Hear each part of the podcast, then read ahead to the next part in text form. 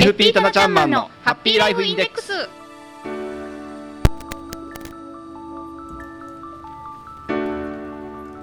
タナちゃんマンのハッピーライフインデックス。この時間はあなたの夢と未来をトータルサポートするライフサポート有限会社の提供でお送りします。私たちと一緒に明るい未来幸せな生活になるためのマネーライフを考えてみませんか？番組ではあなたからの疑問質問を受け付けています。宛先は hama アットマーク p-wave.ne.jp ハマアットマーク p ハイフン wave.ne.jp です。ぜひお待ちしてます。それでは今日も早速一級ファイナンシャルプランニング技能士ライフサポート有限会社代表のタナちゃんマンを呼んでみましょう。タナちゃんマン。はいこんにちは棚橋です。今日もよろしくお願いします、はい、こちらこそお願いいたします。さあゴールデンウィークもね。そうですね。いよいよ最終日、ね、最終日ということですけどもね。タナちゃんマンはどこか、えー、行かれましたか？はいあのハウジングセンターあちこち点々と相談会に行ってまいりました。そうなんですね、はい、お忙しい毎日ということですが今日もよろしくお願いします、はい、お願いいたしますさあ早速今日のテーマ教えてください。はい今日はですね金融資産運用お金の運用の雑学豆知識をお届けしたいなと思います。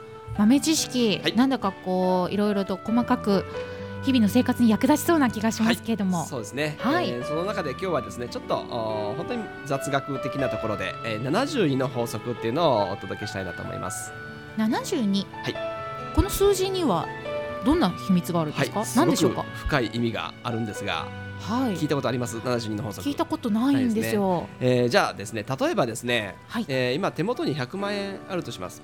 はい。わ嬉しくなってきました、ね、嬉しくなってきましたね、はい、この100万円をですね10年後に倍の200万円にするために、はい、何パーセントの金利で運用すればいいかなって思います？倍の200万になるんですかね、はい、10年後に ,10 年後に。何パーセント運用すれば、えー、えなんかあの計算苦手なんですけどすいません そうですね、えー、実はこれですね7.2%で運用すれば、はい、倍の金利が、はい、200万円になるんですね。あそうなんですね、はい、あの以前にですね、はい、えー、金利には単利と複利というのがありますよというお話をした。ことがあるんですけれども、はい、えー、単利ですとね、えー、元本に対してのみ、えー、金利がつきますので、はい、10%で運用しなくちゃ10年後には倍の200万円にならないんですね。そうですね毎年毎年100万円の10%で10万円の金利、はい、それが10年間で100万円ついて合計で200万円なんですが、はい、これ複利で運用するとですね7.2%でいいんですよ。だいぶあの低い利率で大丈夫なんですね。そうですね。うん、はい、これが福利の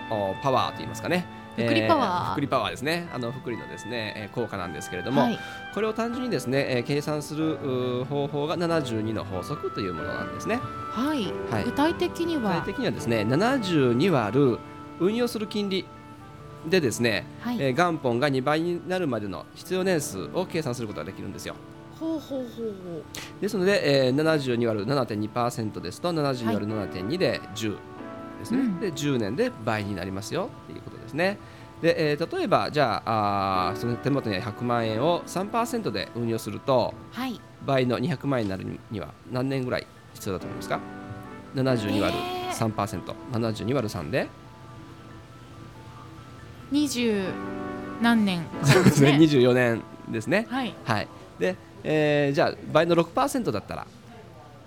その半分のそうですね12年。そうですね。12年後には、はい、200万円になる。で、はい、さらにその200万円を同じ6%でまだ12年運用すれば倍の400万円になりますよね、うんうん、そうですね、ね、じゃあさらに3%上乗せして9%で運用ができれば、どうでしょうか、えっと、さらに短い年数で、そうですね。何年後に倍の200万円になりますか？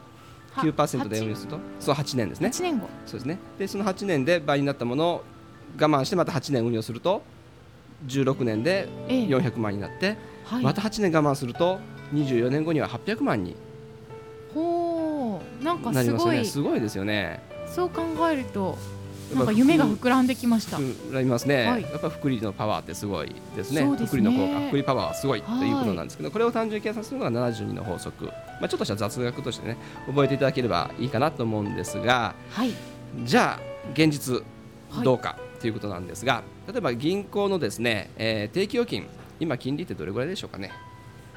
定期預金もなんかほ放置しっぱなしなんで よく覚えてません。そうですね、はい。えー今のですね預け入り金利3年もので0.3%ぐらいはい。ですよね。で0.3%で運用すると、まあ、100万円預けて倍になるまで何年かかるのかということなんですが何年だと思います？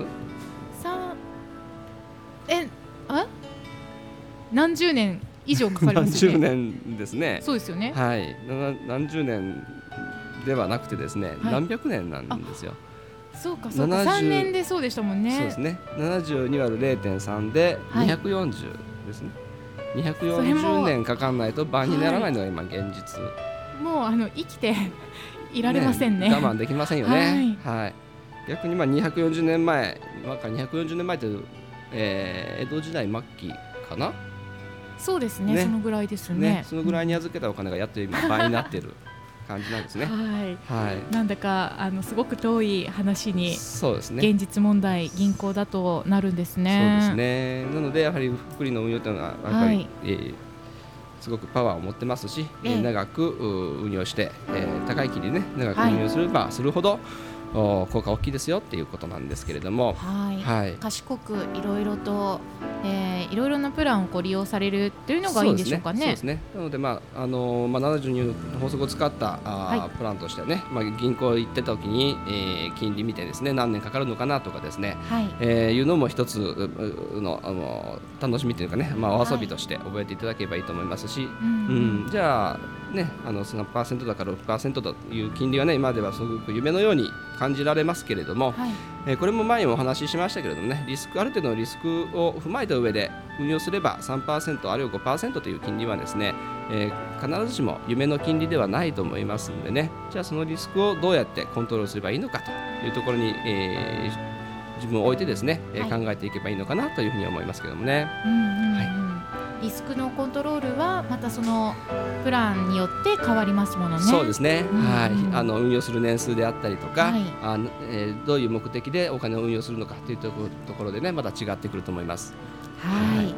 そのためにはやはりあのはな最初からタナちゃんマンがお話しいただいてます。そうですね。はいあのポイントがありますよそうですね。ね。お金の色分けっていうところですよね。はい。色分けをして、そうですね。お使うお金も色分けをして貯めるお金も色分けをするというところですよね。はい。はい。すべてにおいてそのようにこう整理整頓しておくことがポイントになるんですよね。ントですよね。大事ですよね。ははい。どうも整理整頓がこう苦手だったりする私なんですけれども、はい。はい。でしかもあの計算も苦手だったりしたんですい。が、はい。ちょっと今日の72の法則はすごくねためになりましたそうですね。あありがとうございます。ま暗算すぐにできなくても、はいあの計算機とかでねそうですね。はい。その場でちょっとこう豆知識で計算するとはい。うんいいのかなと、そうですね。もう一つじゃあ雑学としてはいお届けしましょうかね。あの複利で計算するときじゃあどうやって計算すればいいのかということですね。あ確かにえーえー例えば2%で、はいえー運用して5年後いくらになってるのかなとかいう計算の仕方なんですが、これ簡単に電卓でできるんですよ。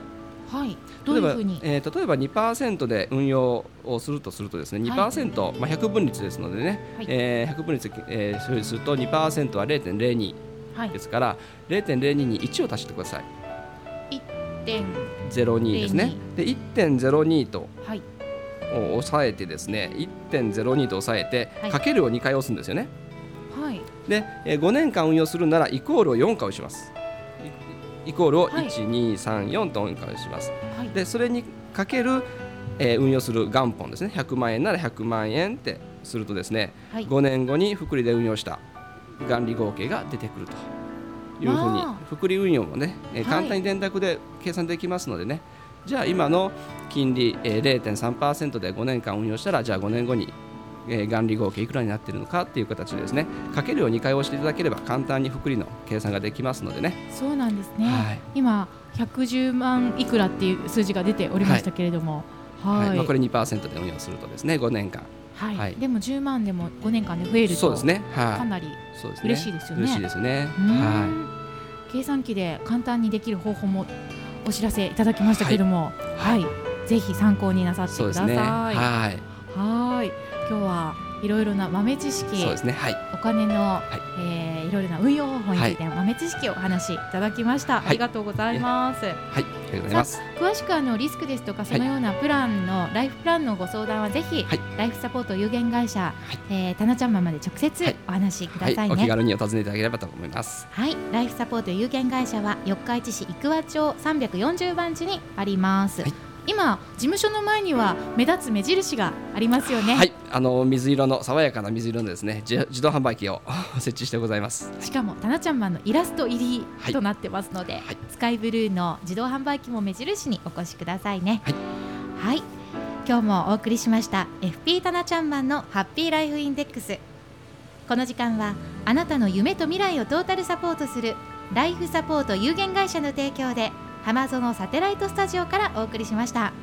それではまた来週この時間にお会いしましょう。ありがとうございました。ありがとうございました。失礼いたします。